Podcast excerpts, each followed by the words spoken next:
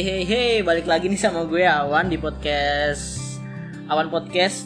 Jadi di podcast kali ini tuh gue kayaknya mau cerita soal apa ya? Kayaknya gue oh, eh, karena gue habis nonton drakoran, karena gue habis ngedrakor nih, nonton nonton drakor, mungkin gue bakalan cerita soal drakor aja kali ya. Jadi mulai dari mana dulu ya? Hmm, jadi tuh, oh ya berbicara soal drakor, gue rasa sih apa ya? Semua orang tuh pasti drakoran pada waktunya gitu, tahu gak sih? Kayak gue aja contohnya yang dulunya gue nggak kenal drakor karena akhirnya dikenalkan dan menonton dan ternyata asik dan menurut gue relate gitu sama gue dan sesuai dengan selera gue ya akhirnya gue tonton. Dan menurut gue tuh kayak banyak banget gitu loh stereotip di masyarakat yang negatif gitu soal begituan. Ya nggak banyak banget sih kayak lumayan lah.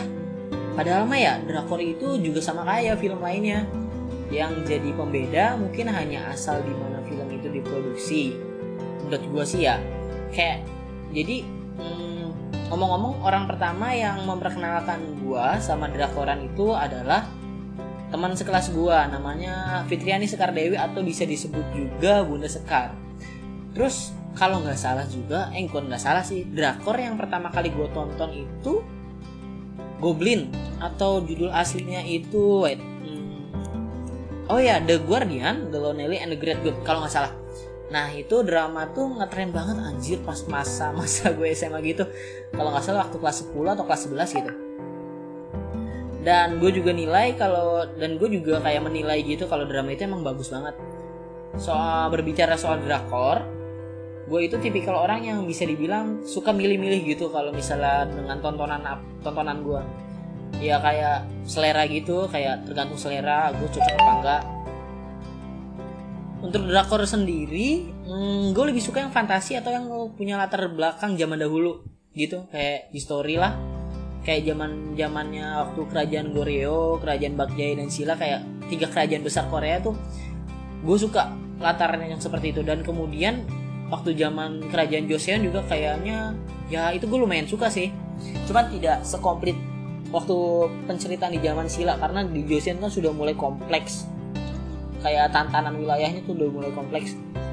Itu udah mulai ribet buat gue sendiri untuk mencerna tapi ya tetap bagus. Terus gue suka tuh ya karena uh, kenapa latarnya gue suka latar dengan kondisi zaman dahulu? Karena adegan aksinya dirasa lebih mostly ributnya lebih pure alami gitu. Karena waktu zaman dulu kan nggak ada pistol dan alat senjata modern lainnya ya. Jadi mostly pakai tangan kosong atau pedang pedang gitu uh, berantemnya. Dan itu gue suka banget martial arts yang kayak gitu. Kemudian ada beberapa faktor juga sih yang buat gue milih-milih drama.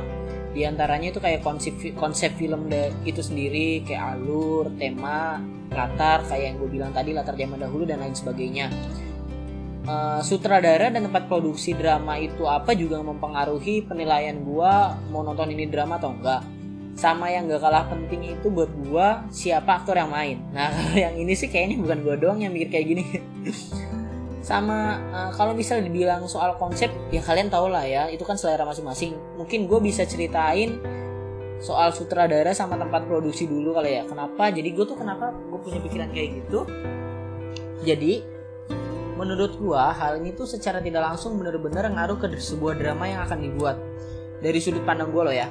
Jadi contohnya aja nih ya kita ambil yang terkenal banget yang tadi gue udah bilang Goblin. Kalau tidak salah seingat gue tuh kalau nggak salah sutradaranya itu uh, Lee siapa ya?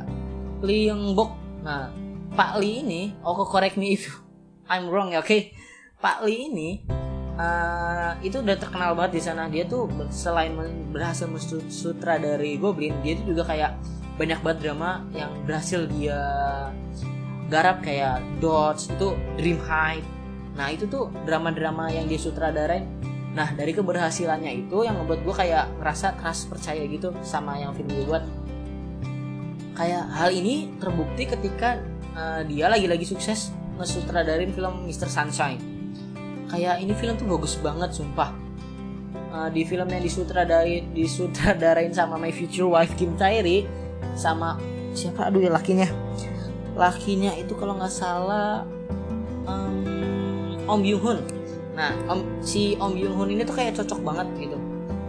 Ya gue kasih tau yang seperti yang gue kasih tau tadi ketiga faktor itu yang biasanya gue pakai buat gue menilai gue mau nonton ini drama atau enggak. Nah ketiga faktor yang tadi gue sebutin itu nempel banget di film Mr. Sunshine ini. Kayak latarnya yang pertama latarnya zamannya Joseon terus uh, ya kita tahu ada ada sentuhan historinya di mana pada saat itu adanya uh, invasi dari negara Jepang ke semenanjung Korea dan juga ada campur tangan dari Amerika sendiri. Nah, uh, soal ak kembali lagi soal aktor yang tiga faktor tersebut itu biasanya drama-drama yang gue suka itu aktornya itu kayak Kim Tae-ri yang tadi sama Suzy ya kalian sudah tidak meragukan lagi bukan kecapa, kecakapan Suzy dalam berdrama. Terus Kim So Hyun juga bagus Lee Sun Ji. Itu mostly drama yang mereka ikutin tuh bagus-bagus semua. Apalagi soal yang tadi gue sebutin Suzy sama Lee Sun Ji. Yang akhirnya uh, main bareng gitu loh.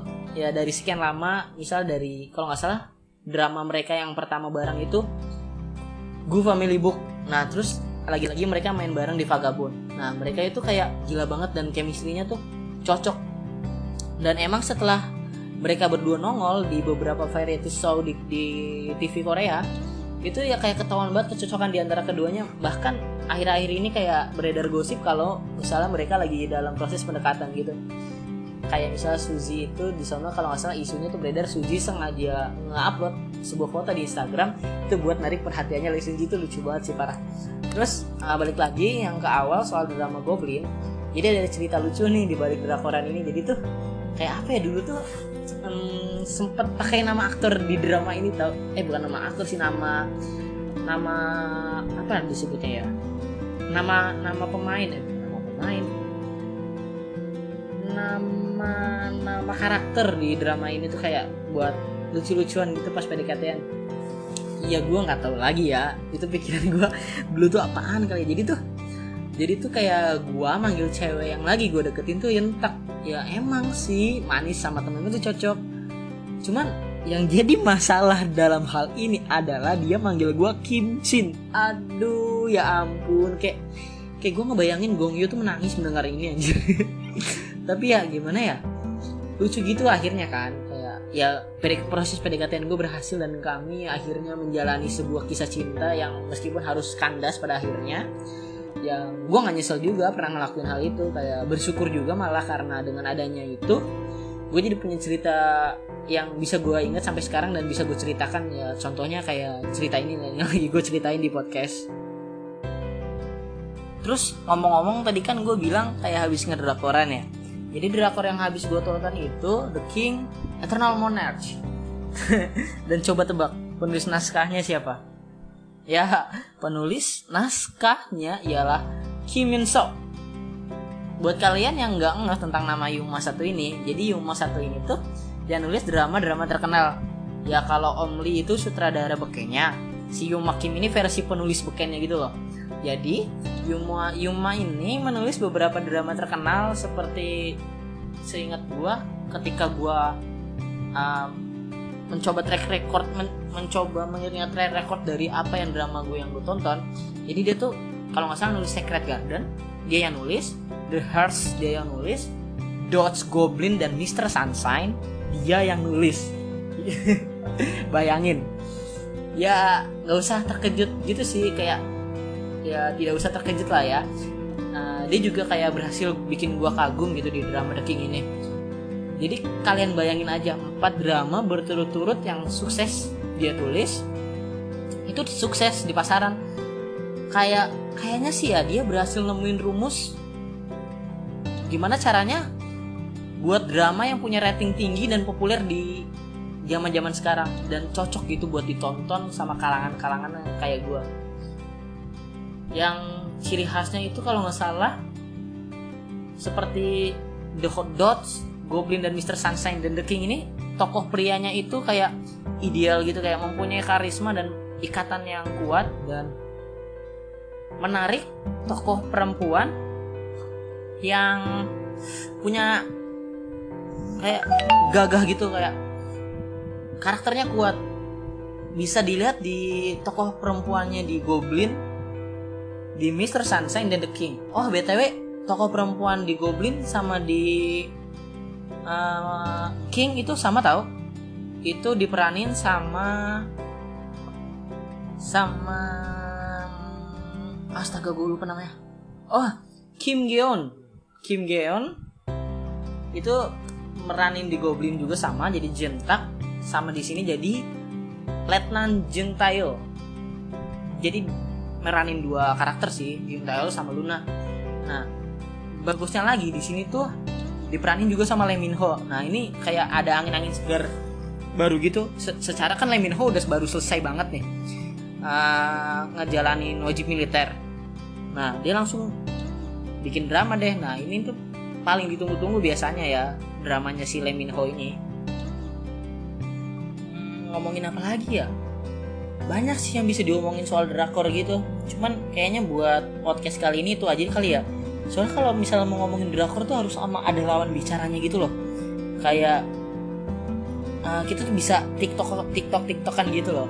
Apalagi gue kan baru masih ter, terbilang baru ya di dunia pendrakoran gitu.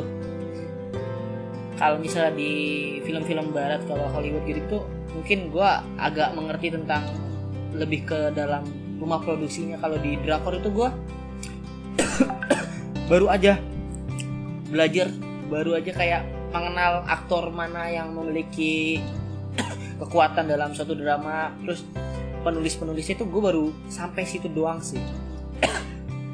Ya track, record gue dalam menonton drakor tuh baru sekitar empat tahunan lah. Jadi ya nggak banyak gitu yang bisa gue ceritain.